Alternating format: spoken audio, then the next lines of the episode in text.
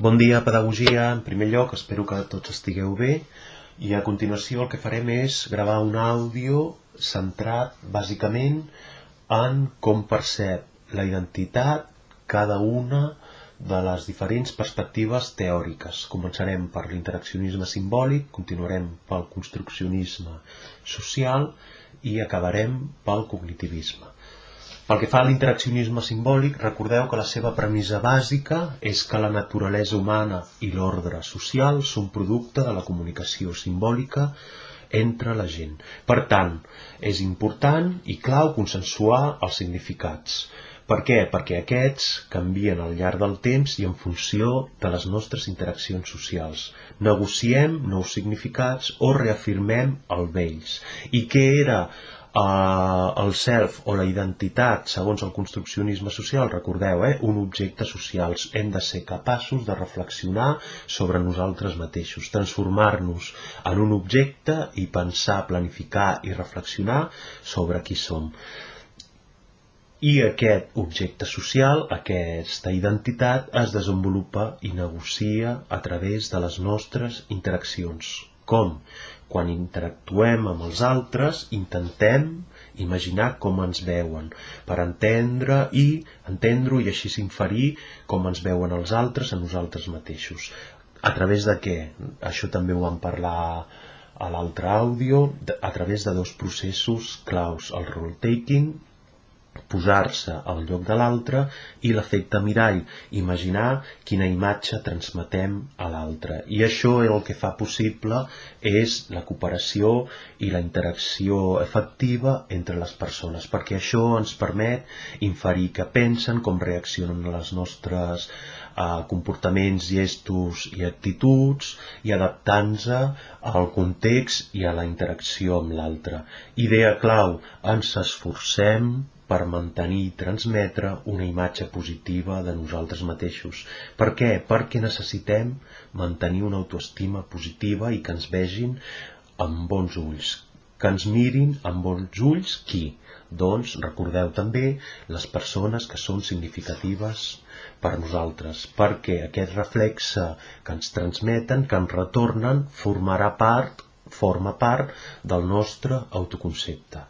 Tanmateix, considera que el self o la identitat no preexisteix a les interaccions socials, sinó que sorgeix, emergeix en el transcurs d'aquestes. I a través de les mirades i la imatge que els altres reflecteixen sobre nosaltres, construïm el nostre autoconcepte. El self, per tant, dependrà de la interacció i del context en el que interactuem i de la forma en què negociem els significants. Depèn de la situació, som una persona o una altra. No som la mateixa persona quan us comuniqueu amb els vostres companys de classe que quan us comuniqueu o interaccioneu amb el professor de la mateixa manera, jo no sóc la mateixa persona, no emergeix la meva la mateixa identitat quan interactuo amb la meva mare que quan jo adquireixo el rol de pare interactuo amb el meu fill.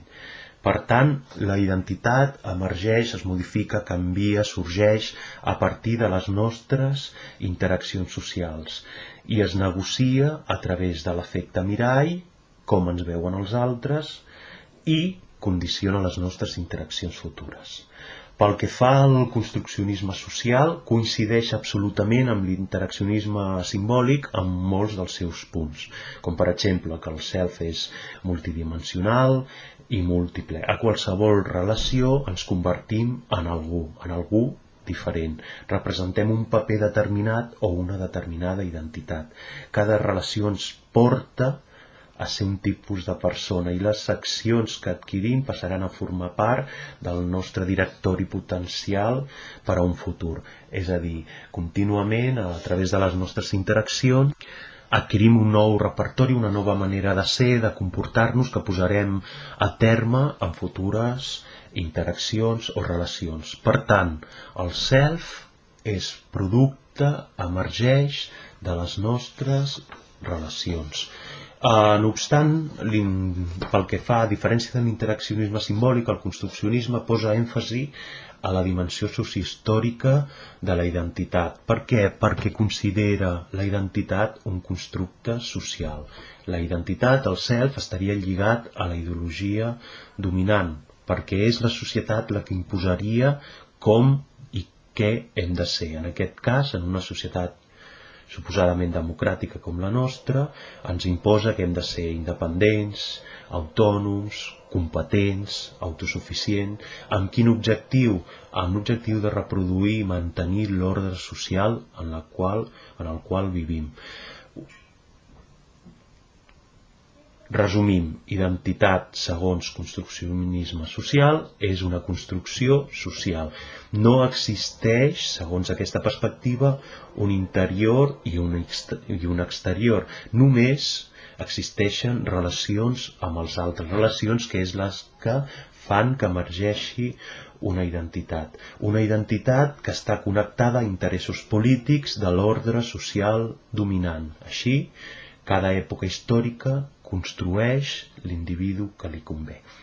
Finalment, pel que fa al cognitivisme, recordeu que el cognitivisme, la idea nuclear, central, és que la nostra ment funciona a través d'esquemes. Aquests esquemes ens ajuden a posar en funcionament perdó, els nostres processos cognitius, eh, a recordar, a processar la informació, a reflexionar, a inferir. Per tant, el cognitivisme, la identitat és un autoconcepte multidimensional, un esquema de pensaments i cognicions sobre nosaltres mateixos, que està conformat per les creences amb les que ens definim a nosaltres mateixos. I recuperem l'àudio anterior i quan hem dit que era multidimensional és perquè hi havia dos grans dimensions o identitats dins de l'autoconcepte. Per un costat, els trets i característiques que ens fan ser únics i singular, que anomenàvem identitat personal, i per un altre costat la identitat social, que la conformarien tots aquells grups i categories de pertinença. Quina és la funció d'aquest esquema? La absolutament la mateixa que qualsevol altre esquema cognitiu. En primer lloc, influeixen en com codifiquem i interpretem la informació que processem, molt dirigida per als nostres interessos, i hi ha un concepte clau, que és l'efecte autorreferencial. Quan la informació és rellevant pel nostre autoconcepte, la processem més ràpidament i la recordem millor. Per què succeeix això? Perquè considerem consideren que el jo és un esquema que ocupa un lloc privilegiat a l'estructura i continguts de la nostra ment. Al mateix temps, el jo ens ajuda a fer prediccions sobre el futur, ja que la informació del nostre esquema la usem per fer judicis, inferències i prendre decisions sobre el futur. Finalment, i un punt que connecta amb l'interaccionisme simbòlic és que per al cognitivisme considera que la majoria de persones l'esquema del jo està associat amb atributs positius. Recordeu que quan hem parlat de l'interaccionisme simbòlic li donava molta importància a transmetre una imatge positiva als altres, a tenir una autoestima elevada. Doncs de la mateixa manera, per al cognitivisme, considera que ens agrada agradar als altres. Necessitem ser acceptats i reconeguts i que ens mirin de manera favorable. Finalment, recordeu també que algunes de les necessitats psicosocials bàsiques de tots els éssers humans eren tenir una identitat pròpia i que aquesta sigui positiva, que estaria acompanyada d'una autoestima positiva. La diferència entre autoconcepte i autoestima, l'autoconcepte són les cognicions sobre nosaltres mateixos i l'autoestima és el valor afectiu, positiu o negatiu que tenen aquestes cognicions. Per tant, no només necessitem tenir una identitat pròpia, sinó que aquesta sigui positiva i que ens ajudi a elevar la nostra autoestima. També, una de les necessitats psicosocials bàsiques és ser acceptats i reconeguts. I això ens porta directament a la pertinença a grups. Són els grups i categories socials els que ens ajuden a ser acceptats i sobretot a tenir, perdoneu, una identitat positiva. I això ens portarà, com veurem, a que necessitem pertànyer a grups valorats socialment de manera positiva. I què faran les persones, quan, com veurem en, el, en les properes àudios de veu, què faran les persones quan no sentin que pertanyen a grups valorats socialment de manera positiva? Es buscaran altres grups de referència. Per què? Tornem a repetir.